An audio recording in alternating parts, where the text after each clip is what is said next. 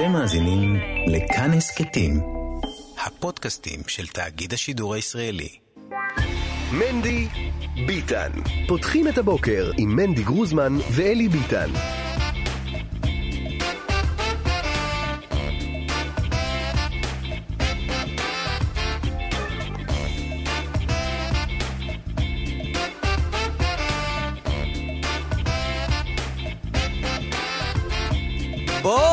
בוקר טוב לכם, שלום מאזינים, שלום אה, לכן אה, מאזינות, מה שלומכם?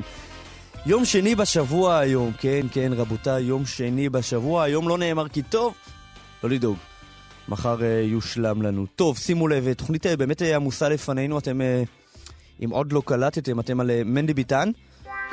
מנדי ביטן. פותחים את הבוקר עם מנדי גרוזמן ואלי ביטן. עכשיו אני רוצה uh, לדבר איתכם על uh, אירוע uh, שקרה אתמול, שמעורר סערה, אבל מעבר לסערה, הוא באמת, הוא באמת, הוא באמת קשה מאוד מאוד מאוד. קשה לשמיעה. Uh, אולי לא נשמע, עדיף שלא נשמע אותו. ואני מדבר על שדרן מוכר מאוד, ותיק מאוד, נתן זהבי. אה, ששדרן בתחנה אה, פופולרית, רדיו 103, אה, שאתמול דיבר, הוא ידוע בסגנונו, הייתי אומר, הבוטה והוולגרי, בלשון, בלשון המעטה, אבל, אבל באמת אתמול כנראה שנחצה איזשהו קו. התלבטנו אם להשמיע או לא להשמיע, לא נשמיע את הקטע, כי באמת זה ביזוי, אבל אני כן אקרא את מה שהוא אמר. אה, כי, כי צריך להבין על מה אנחנו מדברים. וכך הוא אמר, אה, כל הדרקס האלה מצטטים לי פסוקים מהתנ"ך, תתפללו, תניחו תפילין, תדליקו נרות שבת, תפרישו חלה, תלכו לבושים צנוע. לכו עם כל הצניעות שלכם והחלות שלכם ועם הדלקת הנרות ועם התפילין. ואז הוא הוסיף ואמר, הייתי שמח לו כמה מכם היו קושרים את התפילין לגרון שלהם ותולים את עצמם, מרוב שהם לא עושים כלום, אבל הם נציגי ציבור. Uh, וזה דברים uh, ש, uh, שזאבי אמר בשידור. בשידור. Uh, כמובן שקמה סערה. Uh, נכון לעכשיו הנהלת הרדיו שם uh, השעתה אותו, אבל לא פיטרה. אה, מרדיו, מהרדיו נמסר אה, שהדברים שאמר היום אה, נתן זהבי בוטים ומבזים. מיותר לציין שאין להם מקום בשידורי התחנה ואנחנו מגנ... מגנים אותם בכל לשון. גם לחופש הביטוי יש קווים אדומים. מנכ"ל הרדיו החליט להשעות את השדרן לאלתר ולהרחיקו מהמיקרופון עד לשיחת בירור שלאחריה יתקבלו החלטות לגבי ההמשך. כבר לא הפעם הראשונה שזה קורה וזה נראה קצת כמו משחק חתול ועכבר. הרדיו נהנה מזה שזה אבי מעורר סערה. ומביא רייטינג. הוא כמובן בשביל הנראות הציבורית משעה אותו, אחרי זמן מה מחזיר אותו, אה, וחוזר חלילה, ועוברת תקופה, ושוב, המשחק הזה, הוא אומר משהו בוטה. הוא אמר בעבר גם אה, אולפן ערוץ, אה, שהוא רוצה שאולפן ערוץ 14, כן, הערוץ הימני, יישרף על כל יושביו לא פחות. אה, כמובן, גם אז הוא הושעה, וזה קצת נראה כמו משחק. אה, וזה מבאס, לא רק לגבי הרדיו, זה לא הנקודה.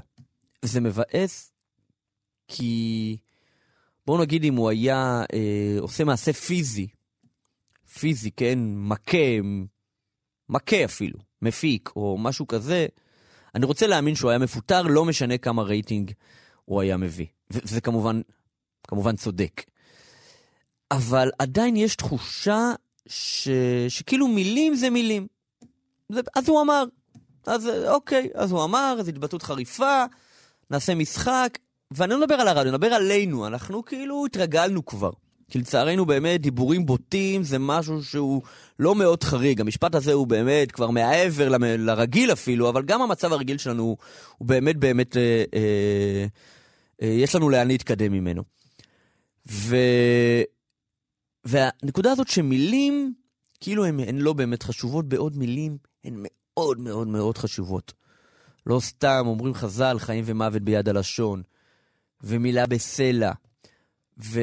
ואם נדבר, נדבר עלינו, כן, על, על, על האמונה שלנו, אז, אז, אז מילים הן חזקות, והרי ההוכחה שהקדוש ברוך הוא ברא את העולם עם מילים, כן? מילים ברו את העולם. אמר ויהי אור, ואז נהיה אור. עכשיו, אנחנו לא הקדוש ברוך הוא, ואם אנחנו נאמר ויהי אור, אז לא יהיה אור, אבל כל אחד מאיתנו, כן, אה, יש בו חלק אלוקי, ולכן למילים שלנו יש משמעות. למילים שלנו יש משמעות.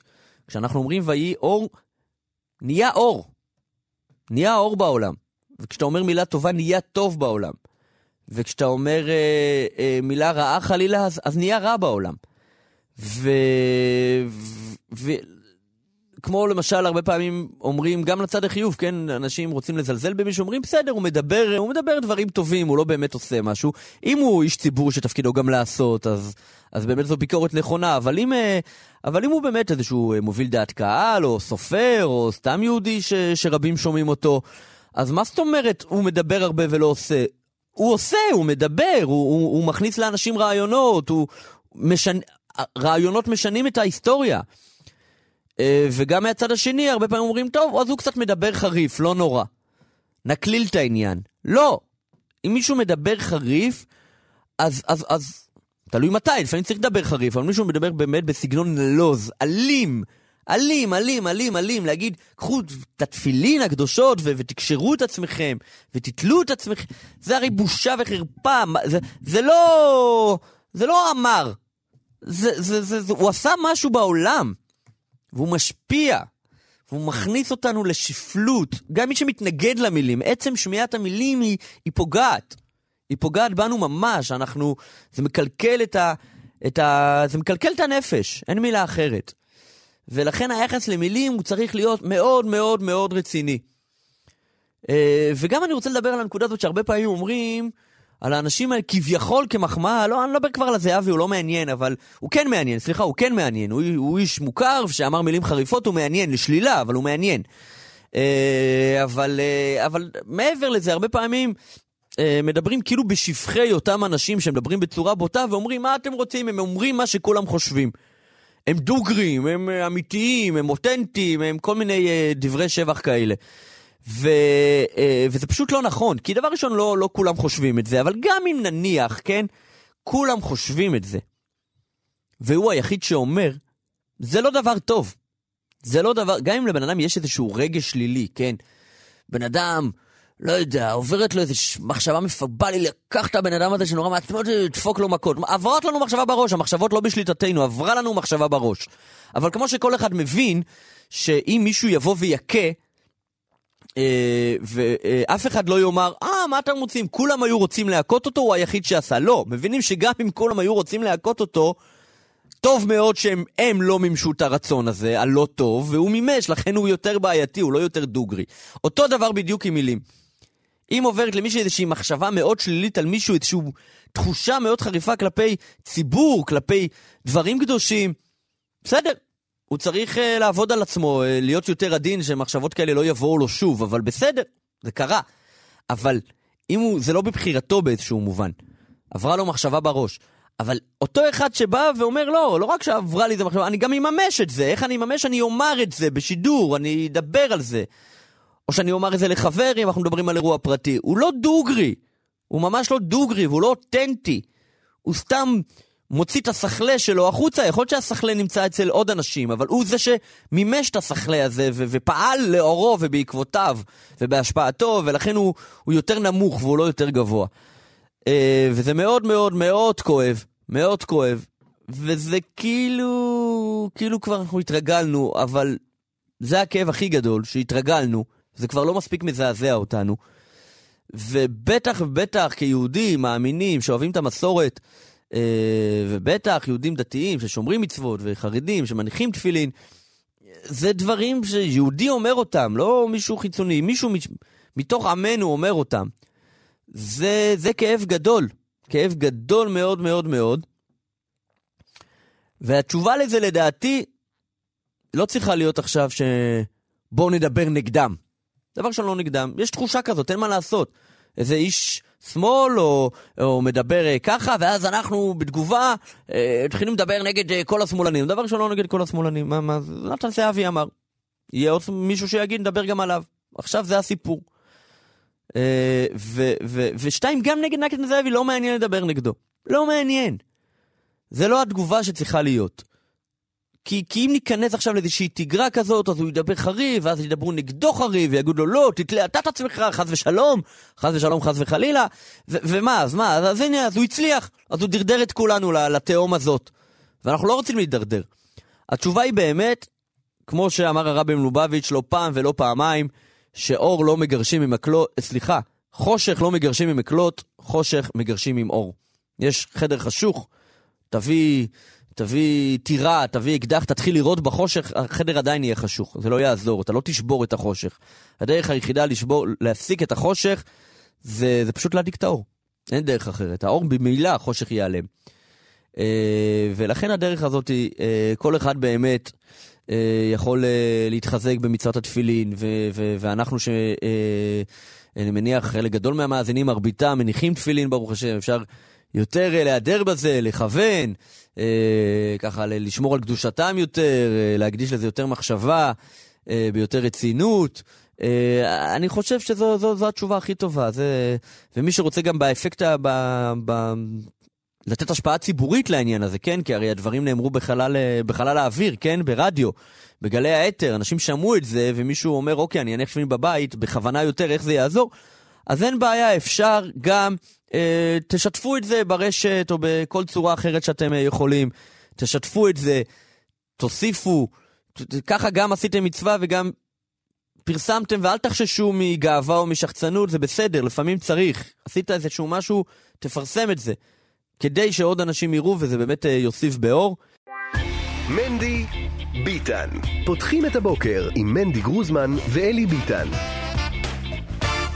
אנחנו uh, רוצים לומר שלום לח"כ אה, המיועד, אוטוטו ח"כ, uh, חבר הכנסת המיועד בועז ביסמוט מהליכוד כמובן, שלום.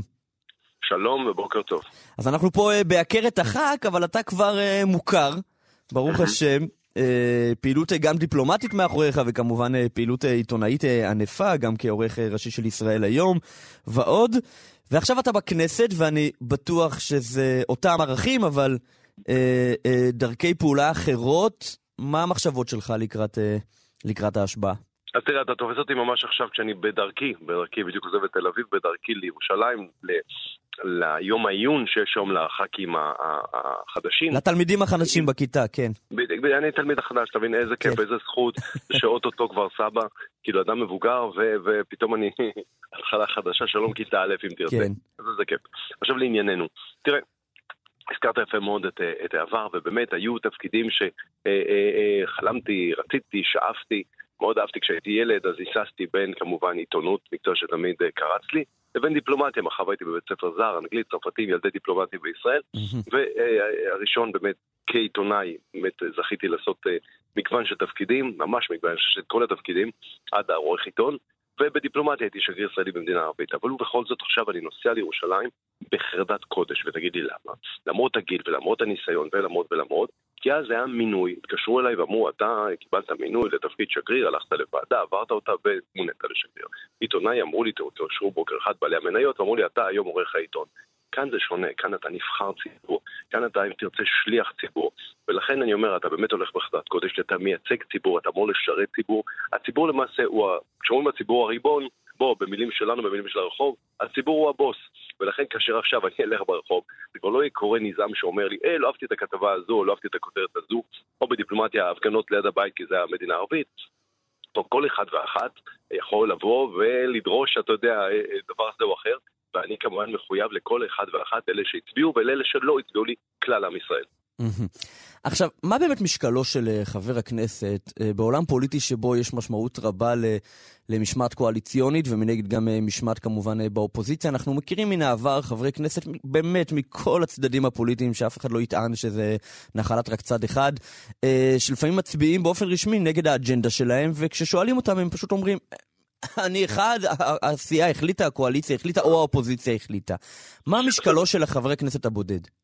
אז קודם כל, מה זה, משקלו של הח"כ הוא גדול, כי בואו נתחיל, אה, אה, בואו נזכיר שוב, אה, שבית המחוקקים, בית המחוקקים, זאת אומרת, אתה למעשה אתה למעשה, זאת אומרת, אתה, אתה ציבור, לכן אתה הריבון, ואתה מייצג ציבור, אתה נבחר ציבור, ויש לזה באמת משמעות גדולה מאוד, אז כל ח"כ, כל ח"כ לצורך העניין, יש לו משקל רב מאוד, כי מאחוריו יש הרבה מאוד אנשים, גם אם שיטת הבחירות הישראלית היא לא באמת אזורית, ואתה לא מייצג אזור, ואתה לא רואה ספציפית את הבוחר שלך, עדיין אתה נבחר ציבור. עכשיו זה אחד. שתיים, אתמול, אתה יודע, הייתה לי פגישה היה לנו מפגש של חברי כנסת או מסיבת ניצחון בבת ים. לאחר מכן הייתה לי פגישה עם שני נבחרי ציבור צרפתים. והסתכלתי דרכם, זאת אומרת, ראיתי את, ה, את הכבוד שהם מעניקים לי, לא לידיה בועז, אלא לתפקיד שאני הולך למלא, ואז אתה רואה באמת את המשקל הרב, לפחות את ההסתכלות שלכם כלפיך. עכשיו שאלת שאלה מצוינת. את העניין הזה באמת, איפה אני ממקם את עצמי, ואם אני צריך לפעמים להצביע נגד, אה, אה, אה, נגד אה, אה, השקפת עולמי. אז תראה, לכן גם אדם בוחר את המפלגה שמתאימה לו, הוא גם כן מצמצם כבר מלכתחילה את האפשרות הזו. כן. כי אם, את הפערים, כי אם נניח, זאת אומרת, היום תרשה, אתה תסכים איתי נניח שאם היום אני הייתי נניח חבר במרצ, הייתה לי קצת, הייתה לי בעיה, הייתה לי כן. בעיה. בדיוק כמו שאם ניצן הורוביץ היה בליכוד, אני חושב שאולי... אם היית במרץ לא הייתה לך בעיה כי לא היית בכנסת, אבל כן. אה, אגב, לא, לא יפה, לא יפה, לא יפה, לא יפה, לא יפה. כן, אבל אוקיי. כן, אנחנו מנומסים בליכוד. כן. אבל, אבל זה נכון, אבל זה נכון מה שאמרת. עכשיו נחזור לעניין שלנו. לכן אני אומר, אנחנו קודם כל לא שם, עוד לא התחלתי, אבל בחרתי לי, זאת אומרת, אכסניה, או התנועה שאליה הצטרפתי, זו תנועה שכל חיי הצבעתי לה. אבא שלי הצביע לליכוד, יש להניח שגם הבן שלי יצביע לליכוד, ולכן אני אומר, אני, מניח שהסוגיה שאתה מעלה אה, תהיה אה, נדירה, נדירה מאוד. יפה. אה, מה אתה חושב, דבר ראשון, במובן באמת הכללי? אנחנו באמת אחרי שנים מאוד סוערות פוליטית ותיקו פוליטי שליווה אותנו עד שהוא הוכרע בצורה חד משמעית בבחירות האחרונות. מה עכשיו? אז קודם כל זה מאוד מאוד צייר אותי. אני, מי שמכיר אותי יודע הרבה מאוד שנים, אני אדם מאוד, אני לא מתבייש להגיד את זה, אני אדם מאוד ממלכתי, ואני אדם מאוד, אתה יודע, ואני אומר את זה בקול רם, אני אדם מאוד מכבד, ולהפך, אני אומר שגם מותר לו להסכים בנועם, במגוון דעות להפך, אני אומר שהשמאל מאתגר אותי, הוא מאתגר אותי, הוא גורם לי להיות כימין. אה, טוב יותר, או להוכיח את צדקת דרכי, זה טוב, זה טוב שיש. את ה אה, אוי לנו, ואוי לנו, זאת אומרת, להיות אה, במדינה שחושבים רק מחשבה אחת, אנחנו לא שם, ובגלל שאנחנו מדינה יהודית, או-הו, אנחנו. כל כך לא שם. אנחנו לא שם, לכל אחד יש. דעה, לא לכל מפלגה. בדיוק, לכל אחד יש, ואנחנו, וגם אגב, כשאתם מדברים על מדינה יהודית ודמוקרטית, אני מזכיר שכשאתה יהודי, אתה בדרך כלל דמוקרט, מספיק שתלך לראות איך, כן. אה, לומדים גמרא, או, איך, לומדים אה, אה, תורה. אז עם כל הכבוד, זה ההבדל גם בינינו לבין דתות אחרות. עכשיו, בעניין שלנו, תראה, אנחנו נקלענו בשלוש שנים, מתי? בזה? ב-2019 כמדומני, כן. 2019, כן. לסוג של אה, טרלול, לסוג של סחרור, לסוג של כאילו הכניסו עם שלם, הכניסו עם שלם לתוך קרוסלה, וכל חודש או כל יום או כל אה, מה שאתה רק רוצה, כל מערכת בחירות, היא רק הסתובבה מהר יותר, ולא ראינו איך בכלל או שעוצרים אותה או שיוצאים ממנה. עכשיו זה מסוכן לדמוקרטיה, הנה זאת הייתה הסכנה לדמוקרטיה, ולא מה... אה, אה, סליחה על הביטוי, על מה שמקשקשים עכשיו. רוצה לומר, העניין של חרמות, הרי יש פחות דמוקרטי מזה שהציבור הולך ומצביע. לצורך העניין בנימין נתניהו לשעבר והבא. ראש הממשלה נתניהו, תראה את, את המיליונים, זה לא מאות אלפים, זה מיליונים שרוצים אותו כראש ממשלה, תומכים בו, מעריכים אותו. ורוצים ומצביעים לו. ואז באו, באו חבורה שלקחה את האידיאולוגיה. שמייצגים מיליונים. אחרים, צריך גם לומר את זה. בסדר, הכל טוב, אבל, אבל מה שמחבר את הממשלה או את הקואליציה ההומוגנית, תסכים איתי, אתה יודע, גם אה, מתנגדיי יסכימו שהממשלה או הקואליציה שאנחנו הולכים לקראתה כעת, היא, אה, אה, איך הייתי אומר בלשון המעטה? קצת יותר, אה, בינינו, אה, אין בכלל להשוות, הומוגנית יותר מקודמתה. כן. עכשיו, בשם מה, אלוהים אדירים, אתה מכניס מדינה לטירול שכזה. עכשיו, מה, מה הדבר? באמת הרצחת וגם ירשת. רוצה לומר, גם החרמת, גם אה, אה, אה, אה, בזת למוסדות, אינסטיטוציות, כמו למשל הכנסת בהסכם עם לבנון, גם ההשתתפות או שיתוף הליכוד בוועדות, שבאמת גם פה זה נרמס. ומה אומרים בסוף?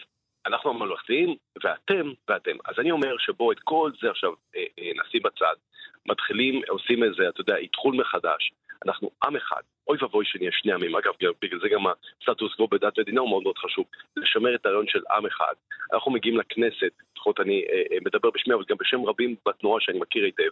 אנשים עם ניסיון, עם ניסיון אה, רב בפוליטיקה, ואתה בא לפה באמת באתחול הזה מחדש. כמובן לבוא ליישם את המדיניות שלנו, לשם כך נבחרנו, אבל נעשה את זה בצורה הכי הכי הכי הגונה, הכי, אה, אה, אה, אה, כן, מותר להגיד את המילה הזו, זה לא מילה גסה, הכי מחבקת, ותמיד נזכור את זה שמה שעברנו פה, מה שחווינו פה בשנים האחרונות, לא הוסיף לנו אה, אה, אה, כבוד.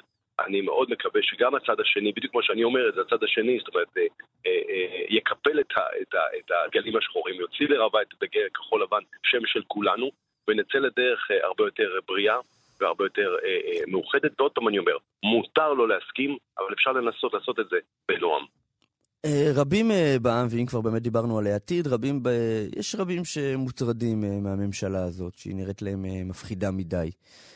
ואני לא רוצה לדבר על זה, כי אני מניח שאתה פחות מפוחד, כיוון שאתה תומך בה, אבל איך אתה באמת מרגיש עם, עם העובדה שהליכוד, שהוא כשלעצמו מפלגה גדולה, אבל כן הגיע למצב שכל השותפות שלו מלבדו הן רק סיעות חרדיות, או סיעה שהיא מאוד חרד"לית, אפשר לומר.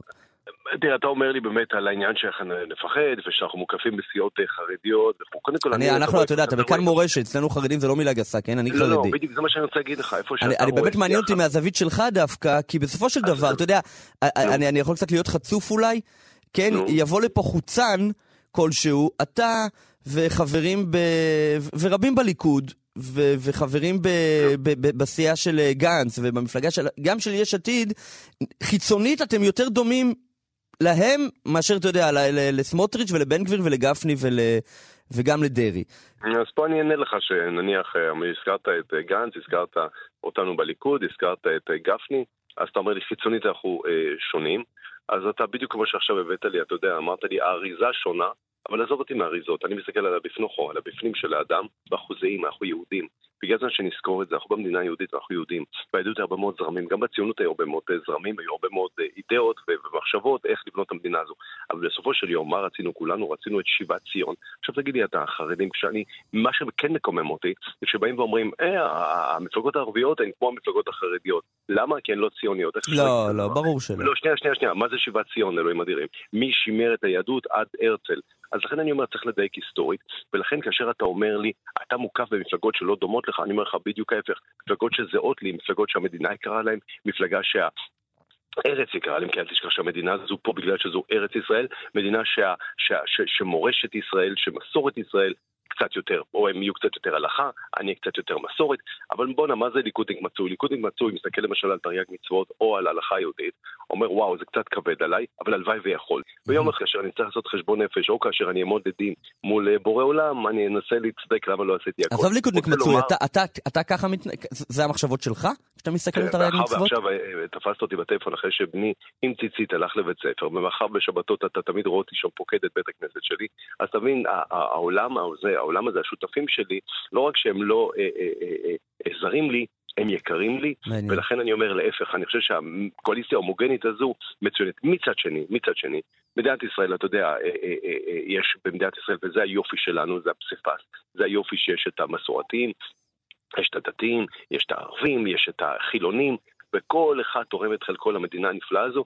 כל אחד יש לו את הייחוד שלו, מאחר ואתה יודע, אנחנו בכל זאת המדינה היהודית, אז אני אתרכז מבלי חלילה וחס אה, אה, אה, להפחית כהוא זה באוכלוסיות הערביות והדרוזים והצ'רקסים והנוצרים והאורתודוקסים שיש לנו כאן ומוסיפים ותורמים כל כך הרבה ליופי של המדינה הזו. אני רוצה רק להגיד לך דבר אחד מאוד מאוד חשוב.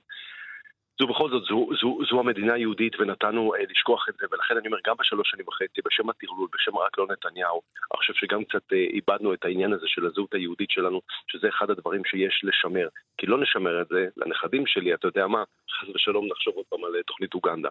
כן. מעניין. טוב, בואו קצת נברר את עמדותיך, ענייני דת ומדינה באופן כללי, תחבורה ציבורית בשבת למשל, מה עמדתך? אני, פה, פה אני מאוד מאוד ברור, תראה, קודם כל דווקא אני אתחיל מהספציפי ואני אעבור לכללי. הספציפי תחבורה בשבת, אז בדיוק כמו שאמרתי לך קודם. תראה, קח למשל עיר מעורבת, עיר מעורבת, אתה צריך להתחשב באוכלוסייה, עיר שהיא חילונית לחלוטין, תתחשב באוכלוסייה, אבל עיר שהיא או דתית או מסורתית, אז גם כן תתחשב באוכלוסייה. לאן אני חותר?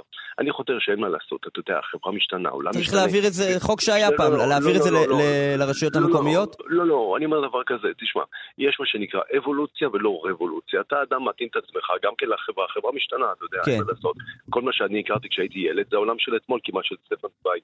אבל, אבל, העניין של אה, סטטוס קוו, תראה בן גוריון שלא היה אדם דתי, אתה יודע היטב, כשהוא נוסע לבני ברק לפגוש את, אה, את החזון איש, הוא יודע בדיוק מה הוא עושה. להזכיר לך גיוס אברכים, איפה זה נולד? זה לא נולד לא עם הליכוד ולא עם האגודה או דגל התורה של היום. עכשיו, מה היה הרעיון? הרעיון הוא באמת, מה, זה, מה, מה בסוף? בדיוק כמו הרעיון של אה, אה, סטטוס קוו. קוו הרעיון זה לשמר עם אחד. זה כל הסיפור. אף אחד לא רוצה פה שיהיו עמים, אף אחד לא רוצה לקלף את זה, אף אחד לא רוצה לערער את זה, זה כל הסיפור. אבל בסטטוס קוו, הכבוד הוא הדדי. בסטטוס קוו אתה מכבד את הדתי, אתה, אתה גם מכבד את החילוני. זה כל הסיפור. מצאנו את, ה, את, ה, את האיזונים הנכונים. אין מה לעשות, כל כמה שנים יהיה פוליטיקאי זה או אחר, מהצד זה או אחר, שינסה קצת לפרוץ, ואנחנו, אני חושב, התפקיד שלנו לשמור על האיזון למען כולנו, למען... רגע, אבל אני לא הבנתי את התשובה, כי בתחילה זה היה נשמע שאתה חושב לא ש... הבנת, לא הבנת. אז אני, שואל, אז אני אשאל, כי בתחילה אמרת, אה, אה, לדעתי, אם זאת עיר חילונית לחלוטין, זה היה נשמע לא, שאתה... אז אני עונה לך, אני מבין את השאלה שלך. השאלה היא כזו, אתה גם לא יכול, הרי אתה לא דוגמטי ואתה לא... ואז אתה. אומר, לא, לא לשנות את הסטטוס קוו, אז לא, תסביר. שנייה אחת. כשאתה עושה לא, אז אני אסביר לך בקלות רבה מאוד. הנוסחה היא מאוד מאוד פשוטה. כאשר אתה עושה את האבולוציה ולא רבולוציה, אתה עושה את זה תוך שמירה על צביונה היהודי של מדינת ישראל. זה מאוד מאוד פשוט. אוקיי, ו- כל דבר שמערער את הצביון היהודי, אה, לא ולדעתך לעשות. בעיר שהיא חילונית לחלוטין, אתה יודע, אין עיר חילונית לחלוטין, אה, כמו- תראה, כמו שאין עיר פעם, דתית לחלוטין, עכשיו- אבל עיר שהיא. שהיא תל אביב. בואו נלך על הדוגמה המובהקת, כן, תל אביב. לדעתך בתל אביב, אה, כעיקרון, היה מקום לשקול שם תחבורה ציבורית בשבת? כמובן שאני שומר פשוט. שבת, אני ומבחינתי זה למשל- מצער והכל. מעניינת אותי העמדה פשוט. אז אני, אז בואו נחלק את זה לשניים, יש ברמה האישית ויש ברמה הציבורית, כי מה לעשות, עוד מחר כבר אני אהיה כן. איש ציבור. ברמה האישית, ברמה האישית, אני, בוא, אז מאחר ואני ילדיי בבתי ספר דתיים, מאחר ואני אדם אה, אה, שמשתדל, אני לא שומר שבת אה, אה, כמוך, אבל השבת יקרה לי אה, מאוד, לא עושים בוקר אותי בבית כן. הכנסת, בדיוק לא עושים השוואות, דווקא אהבתי מאוד את ההערה שלך. ו- ולכן אני אומר, ברמה האישית יש לי את המחשבה שלי, וטוב לי שאני לא רואה אוטובוס בשבת. ברמה הציבורית אתה צריך להתייחס, ודבר אחד למדתי מהר מאוד עוד לפני שנכנסתי לתפקיד, תשובות בשלוף לא אתן. אני, אתה יודע, כל נושא ונושא אתה צריך להסתכל, אתה צריך לעיין, אתה לא יכול ככה בשלוף. ברמה האישית אני עונה לך בקלות, אין לי, זאת אומרת, אני מאוד אוהב את איך שתל אביב נראית היום. ברמה הציבורית מחר אני צריך להתייחס, להסתכל על שכונות, להסתכל על אנשים, לשמוע טענות, לשמוע דרישות, לשמוע את, ה, את, ה, את, את שני הצדדים, כי אנחנו הרי, אה, אה, באמת, אתה יודע, כשאמרתי לך, אנחנו מדינה יהודית ודמוקרטית, אז דמוקרט גם כן מקשיב לכולם, זה א' ב'. הסטטוס קוו מבחינתך הוא כזה ראה וקדש, או שאפשר לעשות סליחה, אני לא שומע. הסטטוס קוו בענייני דת ומדינה לדעתך הוא כזה ראה וקדש, תראה, או- או ש... רעיון, רעיון, כפי שאמרתי לך קודם, רעיון הסטטוס קוו, הרעיון עצמו של סטטוס קוו, כן, הוא דבר שהוא מאוד מאוד חשוב, הבינו את זה, גדולי מנהיגינו, הבין את זה בן גוריון, הבין את זה מנחם בגין, היו גם אנשים כמובן באמצע, הבין את זה, אה, אה, אה, כמובן מבין את זה נתניהו, ותמיד אני צריך להזכיר שאריאל שרון, אריאל שרון שגם הוא, אי אפשר להגיד שהוא היה אה, אה, אה, דתי או שומר מצוות, לא אשכח יום אחד, אתה יודע, אני מאוד אוהב את מקצוע העיתונות, ואני קורא כל עיתון אפשרי כבר כל כך הרבה שנים, ואני זוכר שאחת הכותרות שהכי צדה את עיני בעניין אריאל שרון, לא היה מאחד הקרבות המפוארים, או משנה פוליטית, או קרבות פוליטיים, או משנה מדינית, זה היה דווקא סביב יום אחד כותרת ענקית של אריאל שרון, שאני, הוא לא היסס להגיד את זה, גם הוא אמר, אני קודם כל יהודי, ותמיד צריך לזכור את זה, אפרופו הסטטוס קוו. אה, בתוך הציבור החרדי יש כל מיני זרמים גם, אה, וישנה תחושה אני לפעמים... יודע.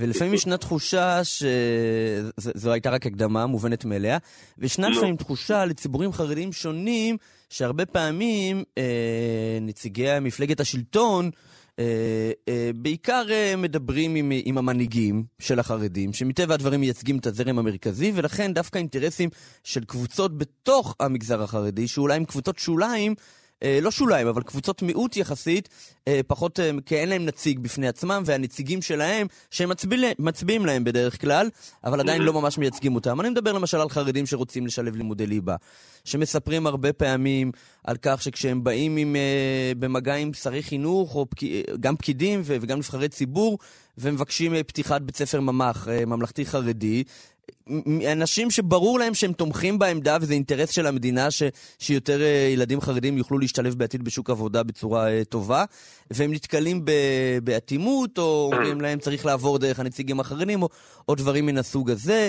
זה נוגע גם למשל אה, למאבק אה, מאוד מאוד אה, אלים נגד אה, חנויות סלולר בבני ברק ובירושלים שכבר הסתיים בפציעה פעם אחת לפחות, פציעה קשה ובוונדליזם כל הזמן ממש. כמעט כל שבוע, וגם זה, זה זוכה לאיזושהי התעלמות. מה, מה יש לך לומר להם? זה דבר מאוד מאוד פשוט. אתה מדבר גם עם אדם של מאוד אה, חיה ותן לחיות. אני אה, חושב שאם אדם, ולא משנה איפה הוא שייך ורוצה לעשות דבר מסוים, אז אני כמובן גם, אני מאוד ליברל בהשקפת עולמי, אני מאוד שמרן, כשקשור למדינה שלי, אני מאוד ליברל כשזה קשור בזכויות הפרט. כשזכויות הפרט זה זכויות הפרט של כל אזרח ואזרח. עכשיו תראה, בוא, גם אחרי המונולוג הארוך והמאוד מעניין שלך, גם נגיד ונודה שיש גם כן מגמות כעת בציבור החרדי. עוד פעם, אני לא פה לחלק ציונים, קטונתי. אבל אני חושב שהמגמות הן חיוביות בהקשר שלי, רוצה לומר. גיוס לצבא, בשבילי הרי אין דבר גדול מזה. אני אגיד לך, תראה, על ידי סיפורים אישיים, אתה תבין קצת את השקפת עולמי. שני האירועים המשמעותיים ביותר בחיי, שני אירועים גם שאתה יודע, לא, לא, לא, גרמו לי אפילו, אתה יודע, מה לעשות, הדמעות זלגו ואני לא מתבייש בזה. היו אחד מאוד מאוד יהודי, אחד מאוד מאוד ציוני. רוצה לומר, הברית של הבן שלי דוד, והגיוס של הבת שלי אה, אה, אה, מאי. למה אני אומר את הדבר הזה? המגמות למשל של גיוס, גיוס חרדים, אני רואה, אני מדבר הרבה עם ידידי דוד הגר, ויז'ניץ אפרופו, ואני רואה באמת כן. את המגמה החיובית הזו, והיא מאוד מעודדת עבודה, נשים שיוצאות לעבוד, גם ה... גם חינם, זאת אומרת, אלימות חינם, ל, מה זה חינוך? זה לא לימוד, זה, אתה יודע, מעונות חינם לילדים מגיל 0 עד 3, זה גם יעודד ויעזור עוד יותר נכון. לצעירות חרדיות, כמובן, או לא רק צעירות, לצאת אה, לשוק העבודה, שזה דבר חיובי. נכון. אז אני אומר, כל המגמות האלה הן מאוד מאוד חיוביות, ולהפך, אתה יודע, העולם החרדי, לא רק שהוא לא מרתיע אותי, הבן שלי עכשיו, הוא בבית ספר ממלכתי דתי, כשהוא היה קטנצ'יק, אז, אה, וזה מאוד חשוב, כשהוא היה קטנצ'יק, הוא היה, אתה יודע, פעוטון, גנון, אז הוא היה אה, ברחוב, מי שמכיר את יסודי תורה, ברחוב גדרה שם בתל אביב, ליד הכיכר, לשם שלחתי את הבן שלי, זה מאוד מאוד מאוד חרדי. ולמה אני אומר את זה שהמגמות הן חיוביות, ולהפסיק להפחיד ולהפסיק לפלג. יש פורים, מה לעשות, חג פורים. צריך לראות את כל הילדים הקטנים האלה, זה צנחן, וזה טייס, וזה נווט, וזה רב חובל, וזה שוטר. תפקידים מקצועות, זאת אומרת, כאילו אתה אומר, וואה, הצבא לא בבית ספרנו, וכל הילדים החרדים החמודים האלה, כל אחד היה איזה אה, עם אה, דרגות, זה היה קצין וזה היה סמל וזה היה לא יודע מה. למה אני אומר את זה? כי המגמות החיוביות, כי אם גם כן בבית מחפשים אותם לזה, אז יש להניח שעד גיל 18 הם גם יתגייסו, ולכן אני אומר, בואו גם ניתן לדברים להיעשות, כמובן לא בכפייה, אני אדם שמאוד מאוד אוהב שדברים נעשים בהידברות, ויש גם תהליכים, והתהליכים הם בריאים, ואני, עוד סיפור על העולם כן. החרדי, אתה יודע, יש בבני ברק, יש, לא אעשה פרסומת, אבל מה לעשות, שיסל, אתה יודע, יש שם דברים שאנחנו יודעים לבשל דברים מסוימים, כן. דברים אחרים לא. אתה מגיע לשם, ואז המוכר מוציא לך כזה מתחת הדלפק את העיתון לא את העיתונות החרדית, okay. לא המודיע, לא יתד נאמן, אלא נניח את ישראל היום לצורך העניין, כי אז הייתי עורך ישראל היום, ואתה רואה את הסקרנות, ואיזה כיף זה שגם הסקרנות היא גם כן, היא גם, היא גם הדדית, כי אני באותה מידה שהחרדי סקרן מהעולם שלי, גם אני מאוד סקרן, ואני רואה הרבה מחבריי על העולם הנפלא שלו והעשיר שלו, ואיזה יופי, וזה הדבר היפה. כל אחד תורם, כל אחד מגביה את השני, הגיע הזמן שזאת תהיה תפיסת עולמנו. יפה, טוב, אני רק, אתה לא תזכור, אבל אני כן זוכר, אה, לדעתי לפני 12 אה, שנה הייתי בחור ישיבה, אה, ואז למדתי בתל אביב, והלכתי למרכז ברודת, היה שם תיקון, בליל שבועות, היה שם לימוד בתיקון ליל שבועות, ואתה היית שם, ואני בחור צעיר, ניגשתי, והיה לנו שיחה די ממושכת, ואני זוכר שנורא נהניתי, וחלק מן הדברים שאמרת אז, אמרת גם עכשיו. לא, אתה רואה? שאתה די עקבי. הכל אמיתי. יפה. איך אומרים באנגלית? What you see is what you get. זה כזה אני, וזה הביא אותי עד הלום. ולכן אני אומר, איזה כיף זה להיות אדם שקודם כל מאוד מאמין במשהו. זאת אומרת, מה זה מאמין? זה מה שאני אומר, זה מה שאני. אף פעם לא הייתי סדנית, לא, אף פעם לא לבשתי שריון, ובעיקר אני בא לפוליטיקה, ועכשיו אני בדרכי לירושלים, עם המון המון המון המון אהבה לכלל עם ישראל. וזה הדבר שבאמת תמיד ננחה אותי, תמיד ינחה אותי, אהבה וכבוד הדדי, ועם זה אנחנו נגיע כל כך כל כך רחוק, כאשר הלא אה, אה, אה, הגאווה הגדולה שלי, ואני חייב להגיד לך משהו שקשור לדת. תמיד אני מסתכל בשבתות, אני עם הבן שלי דוד, נעמי תמיד מגיעה לברכת כהנים כזה, כזה מסתתרת, כיתות כן. ג' וד', ואז יש את ה, את ה... את ה... אני מסתכל על השליח ציבור, ואז תמיד אני שומע את הקול היפה שלו, קול הערב, ואיך הוא שולט גם בתפילה, ואיך הוא יודע בדיוק מתי לעבור וזה. ולי זה לא בטבעי, זה לא דבר, בוא נגיד את האמת, כמה שאתה רוצה לדרך, זה לא זה. ואז אני מסתכל, ותמיד אני, אני תמיד אומר, יאללה, איזה כיף לו, הלוואי והייתי. ועכשיו, אתה יודע, מה זה חבר כנסת? זה סוג של אה, שליח ציבור, כן. אז איזה כיף, איזה כיף. יפה. טוב, אולי תלך למליאה עם טלית, סתם. בועז ביסמוט. אם יש שם בית כנסת וצריך מניין, אני תמיד כאן. נהדר, אנחנו נמסור אה, לחבר'ה. אה, בועז ביסמוט, עוד רגע חבר כנסת, אני חושב שנקודת פתיחה מצוינת, ושיהיה הרבה בהצלחה לטוב. הצלחתך, הצלחתנו. תודה. תודה רבה על השיחה המעניינת. תודה רבה, אדוני. להתראות. מנדי ביטן. פותחים את הבוקר עם מנדי גרוזמן ואלי ביטן. אתם על מנדי ביטן, מנדי ביטן, כאן מורשת, מה קורה? מישהו פה טוען שמנדי ישנוני? לא, לא, אני לא, אני לא, אני לא, אני לא, אני לא, אני לא, אני לא. אה, ודווקא אתם קצת ישנוניים, כי כמות ההודעות היא נאה, אבל אה, יכולה אה, להיות אה, נאה יותר, אז בבקשה, 055-966-3991, 055-966-3991, דומני ששכחתי לספר על הצוות היקר שלנו, נתנאל ינובר שהוא העורך, ואירה וקסלר שהיא על ניהול השידור וההפקה, וכן עוז הרבנית אה, שהיא על הביצוע הטכני, ושירה ולכיכר וגיא מחבוש שסייעו בעריכה. ועכשיו אנחנו אה, לשיחה שדומני שתהיה מאוד מעניינת. איתנו על הקו ראש עיריית רהט, פאיז אבו סייביאן. שלום, בוקר טוב. בוקר טוב. התאמנתי על השם, אני אמרתי נכון. זה בסדר, אין בעיה. זה, זה דומה לסיני ככה, אבל זה בסדר. בסדר, בסדר. אה, במקביל אתה תגיד אה, רוטרובסקי, אני אנסה לך לתת לך איזה אתגר אה, מקביל. אה, טוב, אתה אה, ראש עיריית רהט, אני חושב שאתה גם דמות מוכרת אה, הרבה הרבה מעבר לרהט, אתה ככה דמות אה, אה, פופולרית, אה, וגם רהט, אה, כמו כל המדינה, אבל אה, כמו כל, אה, במיוחד אולי ערים אה, במגזר אה, הערבי, אה, מתמודדת עם פשיעה, ואו-טו-טו השר שיהיה ממונה לפתור את הבעיה הזאת, הוא מישהו שבוא נאמר היחסים שלו עם המגזר הערבי אה, מורכבים, אולי אפשר לומר. הלו הוא אה, השר המיועד איתמר בן גביר. אתה מרוצה מהבחירה הזאת? אה, אני לא מרוצה מהבחירה, אבל זה אה, גזירת הבוחר הישראלי שבחר בבן גביר. אה, בן גביר לפני הבחירות רצה לתת לי אה, כרטיס טיסה לסוריה ללא חזור, אז נראה אם הכרטיס הזה תקף עדיין בתפקיד של שר ביטחון הפנים או לא. אם הוא תקף, אז אין לו מקום אפילו לדרוך ברהט. ואם הוא כבר ויתר עליו, אז אנחנו מוכנים לשתף פעולה לאינטרס הציבורי וגם לטובת אזרחי מדינת ישראל. אתה אומר, אני מבחינתי בעצם מוכן לפתוח דף חדש. מה שהיה היה, אם הוא עכשיו השר והממונה, אני מוכן לעבוד איתו בשיתוף פעולה. בתנאי שהוא יפתח גם דף חדש. אם הוא. פותח דף חדש, אז אה, אהלן וסהלן. מה לא- זה אומר? בוא- אתה רוצה שהוא יתחיל לדבר על התנצלות וחזרה בו, או שהוא פשוט יתקדם? תקשיב, גם אני דיברתי דברים קשים, וגם הוא דיבר דברים קשים. אז אנחנו נשכח את העבר, אנחנו, העתיד לפנינו. בואו נשים את הדברים ש- אה, בצד ונתחיל למגר את תופעת האלימות בחברה הערבית בכלל, גם בחברה הבדואית בפרט, ולהוציא את האמל"ח מרהט וגם משאר היישובים הבדואים והערבים. וזה רק בשיתוף פעולה עם ראשי הרשויות. אם אין שיתוף פעולה והוא מביא לי, לא יודע מה, אין לו תקציב, הוא רוצה 6 מיליארד שקל לתגבר כוחות המשטרה וגם לתגבר את השכר, אז הוא, אם הוא רוצה לעבוד לבד, אז הוא לא יצליח. רק בשיתוף פעולה. אני, אני מסתכל על השר כפונקציה מקצועית ולא כפונקציה פוליטית. את הפוליטיקה נשאיר בצד. האינטרס האישי שלי ושלו ושל כל תושבי הנגב, יהודים וערבים כאחד, זה להביא שקט בנגב. אם זה יהודי, אם זה בדואי, לא משנה בשבילי. מעניין, כבר אה, היה, היה ביניכם איזה העברת מסרים אחרי הבחירות, דברים, לא, מתווכים? לא, לא, עדיין הוא לא קיבל את התפקיד. אה, אם הוא יקבל את התפקיד הזה, אז נשתף פעולה. אפילו תפקיד שר ספורט, אני מוכן לשתף פעולה, כי פשוט מאוד אני מכבד את הבחירה של אה, אזרח מדינת ישראל. בחרו בו, אז אנחנו נשתף פעולה כראשי רשויות. אלה שבכנסת הם יכולים לעשות מה שהם רוצים, אבל פה יש לי אינטרס אישי. העיר הגדולה בחברה הערבית, 80 אלף תושבים, אני רוצה לקדם אותה. לא מעניין מי יושב למעלה. אני. נגד, אני לא לוקדניק ולא אה, מסמפת את ביבי, אבל ביבי הוא היום ראש ממשלה של כולם, אז נשתף פעולה גם איתו. אני כן. לפני הבחירות סירבתי, אתה זוכר את זה טוב מאוד, סירבתי לארח את ביבי לפני הבחירות בשבוע. סירבתי, כן. אמרתי ללשכה שלו, אני לא מוכן, אם הוא רוצה להגיע, אהלן וסהלן שיגיע, אבל אני לא אהיה שם. אז הוא הגיע לאיזה שבט ליד רהט פה. למה סירבת אז ועכשיו אתה מוכן? כי זה, זה בא על רקע הבחירות. לא, הוא- אמרו לי שהוא בא להגיד לתושבי רהט, תבחרו במחל. אז uh, אנחנו מתחרים על הקולות, אז לא, אני לא מוכן שאתה תגיע לפה ואני אשב לידך ואתה תגיד לתושבי רהט תצביעו uh, למחל. לא, אני אגיד להם תצביעו רע"מ. כן. אוקיי, אה, ועכשיו עכשיו, עכשיו, אתה אומר באמת, אם נגיד בן גביר יגיע לרהט לביקור מקצועי, לפגישה מקצועית איתך, אתה חושב שזה משהו שיוכל לקרות?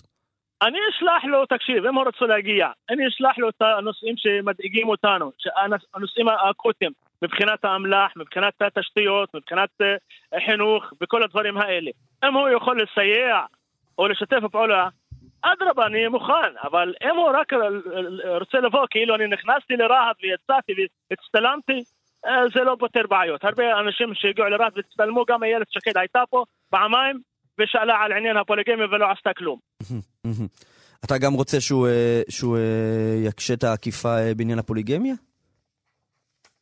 תקשיב, העניין הפוליגמי הוא עניין אה, כבר מטופל בכל מיני מקומות. ואני אמרתי אה, משפט, תעסיק את הבדואים, הבדואים לא יעסיק את המדינה. תעסיק את הבדואים בחינוך, בחברה, בפנאי. הבדואי חייב להרגיש, להרגיש שהוא שייך למדינה ולא בחצר האחורית של המדינה. כשהמדינה משקיעה ברהט, כשהמדינה משקיעה בחינוך, בתחבורה ציבורית, בתשתיות, אז זה נותן שלווה לכולם ושקט. אבל אם אנחנו מוזנחים, ילד מוזנח הוא מעסיק אותך תמיד, הוא גורם לך בעיות. אנחנו לא רוצים להיות הילד הרע, אנחנו רוצים להיות הילד שמשתף פעולה, שרוצה ללמוד, להתקדם, ויש לו חזון קדימה. יפה. אה, ובכל נוגע לביטחון פנים בכל זאת, אה, מה התוכנית שאתה תציע לשר לממש? אני אציע לו קודם כל שדברים אה, מהותיים ולא רק משהו בשוליים. אני מציע פשוט מאוד שיהיו ניידות משטרה בתוך העיר רהט בשעות הלילה. אין לנו. רהט בלילה היא כאילו מלחמה בסומליה, אנחנו נמצאים. כל לילה יש לך ירי בתוך העיר הזאת. התושבים מתקשרים אליי וגם מתקשרים למאה, אבל אף אחד לא מגיע לשם, לצערי הרב. בחתונות גם יורים. אה, אתה יודע, בתחנת רהט היא התחנה הכי גדולה בחברה הערבית, 120 שוטרים. אין להם רחפן אחד. כשיוצא שיירה של כלה, אז יורים. אז אמרתי למפקד התחנה, תעלה רחפן למעלה, תסתכל על אנשים, הוא אומר לי, אין לי תקציב לרחפן. אז אולי יביא תקציבים, פשוט מאוד, ונמגר את התופעה הזאת שיורים בחתונות, גם יורים בכל מיני מסיבות. תגיד, אני, יכול להיות שאני מזהה בדברים שלך איזושהי, אתה אמרת בתחילה שאתה לא מרוצה מהבחירה בו, אבל אתה מוכן לשתף פעולה, וככל שאתה מדבר, אני אומר, וואלה, זה נשמע שאתה קצת אומר לעצמך, וואלה, אולי דווקא בן גביר יצליח איפה שאחרים נכשלו. אני אומר לך, לא אני באופן אישי, אבל יש קולות בנגב מהבדואים שסבלו מהירי הזה, מהקטטות, מהאלימות. כן. אומרים, אולי בני גביר ישנה משהו. זה כמו שאתה, תקשיב, זה מישהו שהולך לטבוע בים, ואומר לך, לא יודע, העיקר שאני יוצא חי. אנשים פה התייאשו פשוט מאוד מהירי הזה. המשטרה לא עושה די מספיק פה. וטענת המשטרה שהתושבים לא משתפים פעולה, אבל כאשר מישהו יורה בבאר שבע או בלהבים, תופסים אותו מיד תוך 24-7. הבחור שירה בחתונה והקליע שלו הגיע למשמר הנגב, תוך 24-7 תפסו אותו. וואלה. אם תרצו, איזו אגדה, פשוט מאוד. יפה, יפה. ראש עיריית רהט, אה, פאיז אבו צהיבאן, תודה רבה רבה, בהצלחה. בוקר טוב לכם. בוקר טוב. מנדי ביתאן תשמעו, ראש עיריית רהט שמספר לנו שיש אנשים אה, בנגב שאומרים אולי דווקא בן גביר יצליח איפה שאנשים נכשלו, מה שנקרא המציאות מפתיעה אותנו תמיד. אה, תמיד, זה לא משנה כמה נדמיין, בסוף המציאות אה, תהיה מעניינת מאוד. מנדי ביטן טוב, הבחירות אה, כאן אה, מאחורינו, אבל כמובן אה, בחירות האמצע בארצות הברית, גם הן בכל זאת מדינה חשובה, בכל זאת ארצות הברית, לא כמונו, אבל עדיין יש לה איזושהי השפעה בעולם. וכן, כן, כן, שם עדיין לא כל התוצאות התבררו עד הסוף, אבל בגדול הרפובליקנים מאוכזבים לעומת הציפיות שהיו לפני כן. איתנו אלון פנקס, לשעבר קונסול כללי של ישראל בניו יורק, פרשן, בוקר טוב. בוקר טוב, מנדי. מה שלומך? בסדר גמור. יופי, יופי. טוב, אה, תקשיב רגע, אני, אני, שאלה אחת, אמרו לי שלגבי אה, אה, בית הנבחרים שלה טכנית, יסמו, יס, אה, התוצאות הסופיות יתבררו בעוד שבוע בערך, נכון? נכון. למה? כמה... כמה זמן לוקח להם לספור? אני, לא, לא, אני אסביר לך, אני אסביר. אה. יש, אה, יש כמה מדינות בתוך, בתוך ארצות הברית שמתירות אה, הצבעה בדואר. כמעט mm. כל המדינות מתירות, אבל בחלקן יש מגבלות על הזמן. כן. במדינות שבהן מותר עד יום לפני הבחירות, או אפילו ביום הבחירות, לשלוח בדואר, אה, ובאזורים כפריים, או באזורים אה, מרוחקים, או באזורים מפוזרים מבחינה, מבחינת האוכלוסייה, mm. אנשים מצביעים כמעט רק בדואר. Mm. עכשיו, תראה, מזל שאצלנו אי אפשר בדואר, כי אז התוצאות היו עוד שנה. אה, נכון, אצלנו דווקא, אני חייב להגיד, באופן אה, יחסי, נכון מדינה קטנה, נכון אזור בחירה אחד, נכון השיטה הפוליטית אצלנו מבחינת ההצבעה היא מאוד פשוטה, אתה בא, שם פתק, כן. מספר מחולק, אבל בסך הכל ישראל מאוד מאוד יעילה בעניין הזה. אבל כן, עזוב בוא, את זה. אנחנו גם עושים את זה לא מעט, אנחנו טובים בזה. כן, מתאמנים, הניסיון, כן, נשמה. אתה יודע, לה- להיגיון הזה... אנחנו טובים בסיכול פיגועי טרור ובבחירות. אפשר נכון, ללמוד מאיתנו. כמובן בכדורגל. אה, עכשיו, תשמע, כמובן, בהייטק, סייבר, ואיך זה נקרא? בתפוזים גם, כן. תפוזים. עכשיו תראה, כל אזור בחירה לבית הנבחרים, יש 435. Mm, כל אזור בחירה מתוכנן כך, מסורטט כך, שכל חבר בית נבחרים, מה שאנחנו קוראים בשפה עממית קונגרסמן, ייצג בערך מספר דומה של בוחרים. שלא יצא מצב שמנדי מייצג מיליון וחצי ואלון מייצג 300 אלף. אז לכן, בכל אזור כזה יש כרגע,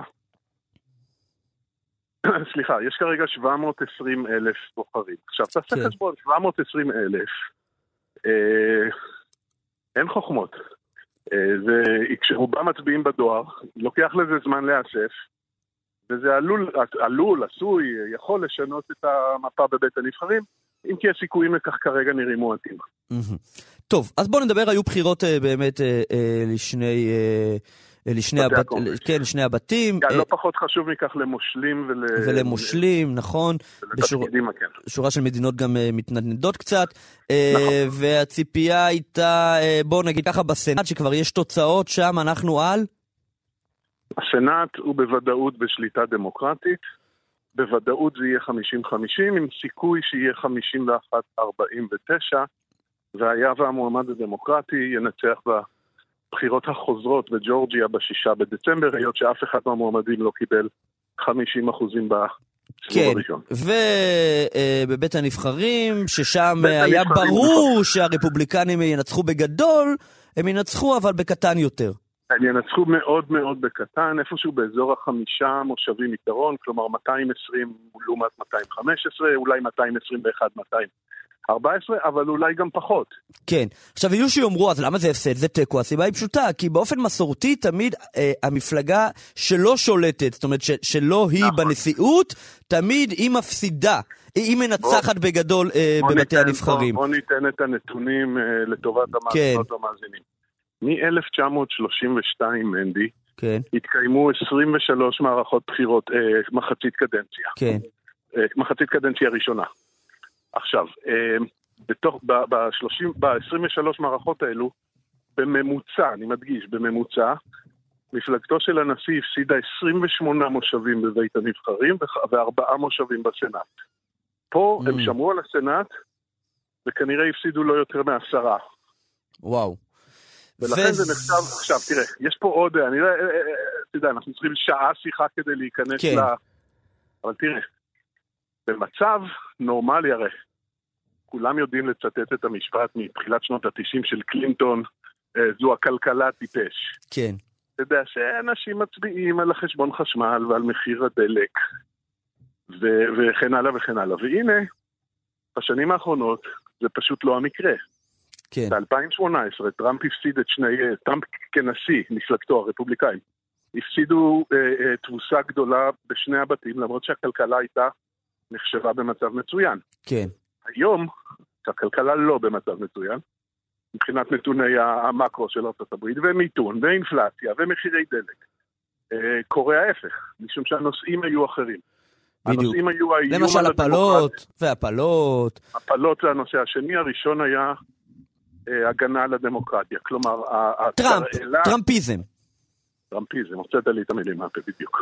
עכשיו, ואותי מעניין, כי אה, יותר ההשפעה של התוצאות הללו על מה שקורה בתוך המפלגה הרפובליקנית. כי, כי בוא, כל עוד טראמפ שולט במפלגה הרפובליקנית, זה לא- לא הוא לא משנה. שולט, הוא לא שולט, הוא שולט בבסיס, בחלק גדול מבסיס התומכים שלה, לא במפלגה. כל עוד יש לו השפעה אה, רחבה בתוך המפלגה הרפובליקנית, זה לא משנה אה, אם הוא יפסיד או אם יהיה נשיא או לא יהיה נשיא, עדיין הטראמפיזם איתנו. אתה מבין? זה נכון. כמו ש...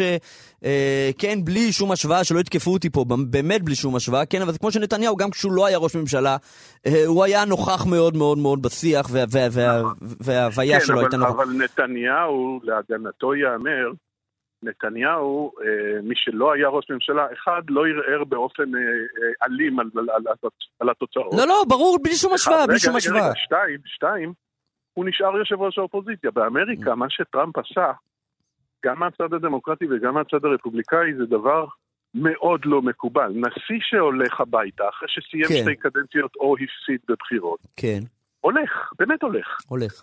הוא לא מקשקש בשכל אה, בתוכנית של מנדי, או בחדשות של CNN, כן. או בניו יורק טיימס, או בהצהרות, או בחוגי בית, או בטוויטר. הוא לא, הוא לא מוסיף את קולו לשום נושא. אובמה נעלם. כן, לא, דווקא. לפעמים כן לא. רואים אה, אובמה עזר אז לא, אתה לקלינטון. רואה את אובמה סביב בחירות. כן. סביב בחירות. לא מעבר, נכון. האורך הזה, הוא לא קם ואומר, "זה- זה- זה טראמפ עושה נכון. ככה ואסור לו לעשות ככה. אוקיי. ולכן, אני חוזר לשאלה שלך. ולכן, או להערה שלך. כן, יש כרגע, אה, מתחילה, יש סימנים כבר לממש מלחמת אזרחים בתוך המפלגה הרפובליקאית. בתוך הרפובליקאית? כן, כי, כי הרבה אנשים מאשימים את הנוכחות, את הנפקד נוכח הזה של טראמפ שדיברנו עליו, אה, בהפסד. הם אומרים, האיש רעיל. האיש הוא בעצם המגייס קולות הכי גדול של המפלגה הדמוקרטית. כלומר, כל עוד הוא בזירה, הדמוקרטים יצאו ויצביעו נגד. כן, לא יעזור כלום. עכשיו, אה, כנגדו, או כנגד הטענה הזאת, עומד בסיס בוחרים שהוא מיעוט באמריקה, אבל הוא רוב בתוך המפלגה הדמוקרטית, הרפובליקאית, שכן רוצה את טראמפ. ולכן המפלגה הולכת לעימותים. עכשיו תראה, טראמפ חטף פה מכה אנושה, שלא תהיה נאיב. כן. אני מאלה שלא חשבו שהוא ירוץ בכלל עוד לפני זה. עכשיו, הוא יכול לעשות הפוך, כי האיש, האיש הוא גם במהותו, הוא סוכן אה, כאוס והרס. כן. הוא כל כך כועס שגרמו לו להיות זה שיגידו שהוא מפסיד, שהוא עכשיו יכול דווקא לרוץ. כן. הוא עדיין איתנו. ו- וגם, בוא נגיד, יש לו עדיין בסיס תומכים אה, עדיין נרחב. כן, זה, אבל זה אה. מעניין שאתה אומר שמלחמת האזרחים בארצות הברית, אם תפרוץ, לא תהיה בין רפובליקאים לדמוקרטים, אלא קודם לא, כל לא, בתוך... זה נושא אחר, גם, זו, גם זה יכול לקרות. כן, אני מדבר כרגע, כשאני אומר מלחמת אזרחים, אני מדבר על מלחמת אזרחים פוליטית. כן, בתוך, בתוך המפלגה, כי תראה, יש, יש עדיין, הרי מה שטראמפ הצליח לעשות למפלגה, זה לשנות את פניה ואת אופייה לחלוטין. כן. אה, ויש הרבה מאוד אנשים שלא אוהבים את זה. אה, עכשיו, הוא יכול לקרוא להם עד מחרתיים האליטות הרפובליקאיות, כן. הליברלים, הרפובליקאים הליברליים של ניו יורק. הוא יכול, הוא יכול להגיד מה שהוא רוצה, אבל אה, בסופו של דבר, הרפובליקאים מהסוג של בוש, של רייגן, של קיסינג'ר, של ג'י- ג'יימס בייקר, של צ'ייני, הם, הם, הם הפכו להיות אה, מוקצים ומודחים. אה, והם עכשיו אומרים, המכה הזאת שחטפנו בבחירות האלו, היא בדיוק ההזדמנות לקחת בחזרה את המפלגה. עכשיו, האם זה יקרה או לא, אני לא יודע להגיד. מעניין, מעניין, מעניין. תגיד, אתה יודע, הברית של שנות התשעים, אה, בגדול היה שם איזשהו קונצנזוס כזה, ליברלי. נכון. אה, זה היה נראה, אתה יודע, השנים העליזות שחשבנו, אתה יודע, אה, מסך הברזל נעלם, והמלחמה קרה כבר הרבה מאחורינו, והמחשב האישי. היה חגיגה, כן, אני יליד סוף ה-80, אני גדלתי בשנות ה-90, אני ממש זוכר את זה.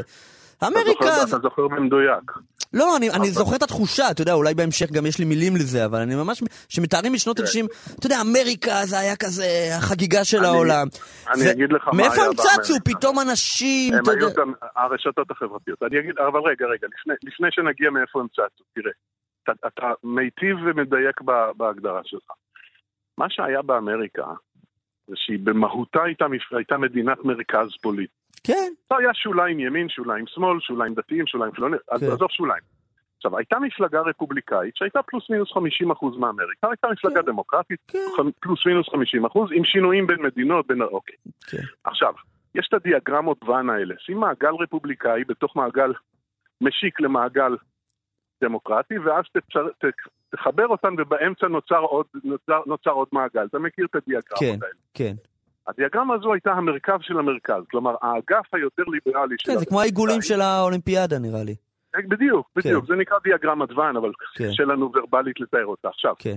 אה, זה נורא פשוט, העיגול הזה, האמצעי הפך להיות יותר גדול מהשניים שיצרו אותו. מהו היה העיגול הזה? הוא היה המרכז.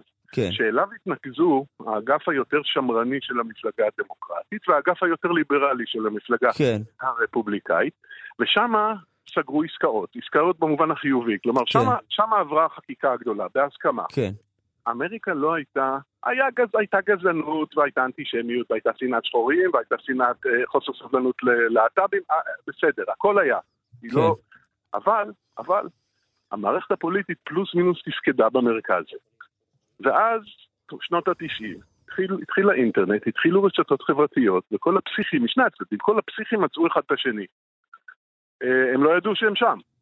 כן. ואז כמה פוליטיקאים, בעיקר בצד הרפובליקאי, ניצלו את זה ומשכו את המפלגה לכיוונים פופוליסטיים מאוד. זה התחיל בשנות ה-90, זה התחיל כאנטי-תזה לקלינטון, אבל עדיין זה נתפס בתוך גבולות המשחק הפוליטי המותר. כן.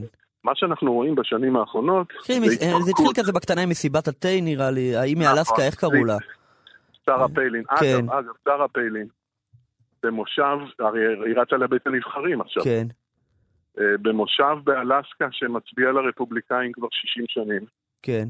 אה, הובסה בידי מועמדת אה, דמוקרטית שאף אחד לא שמע עליה, שמע עליה עד לפני שבועיים. מעניין, מעניין. שמע, היסטוריה נהייתה, אני חייב לומר לך, שנות ה-90 הייתה תחושה שכבר לא מעניין בעולם. באמת, זו הייתה התחושה, אני זוכר... לא, זה, כן. הייתה תחושה כזאת. לא, כאילו... כן, אני יודע, פוקויאמה, פוקויאמה כתב את קץ ההיסטוריה, ומנדי ביטן השתעמם. לא, אני אומר לך, אני כילד, הייתה לי תחושה שכל האירועים הגדולים מאחורינו.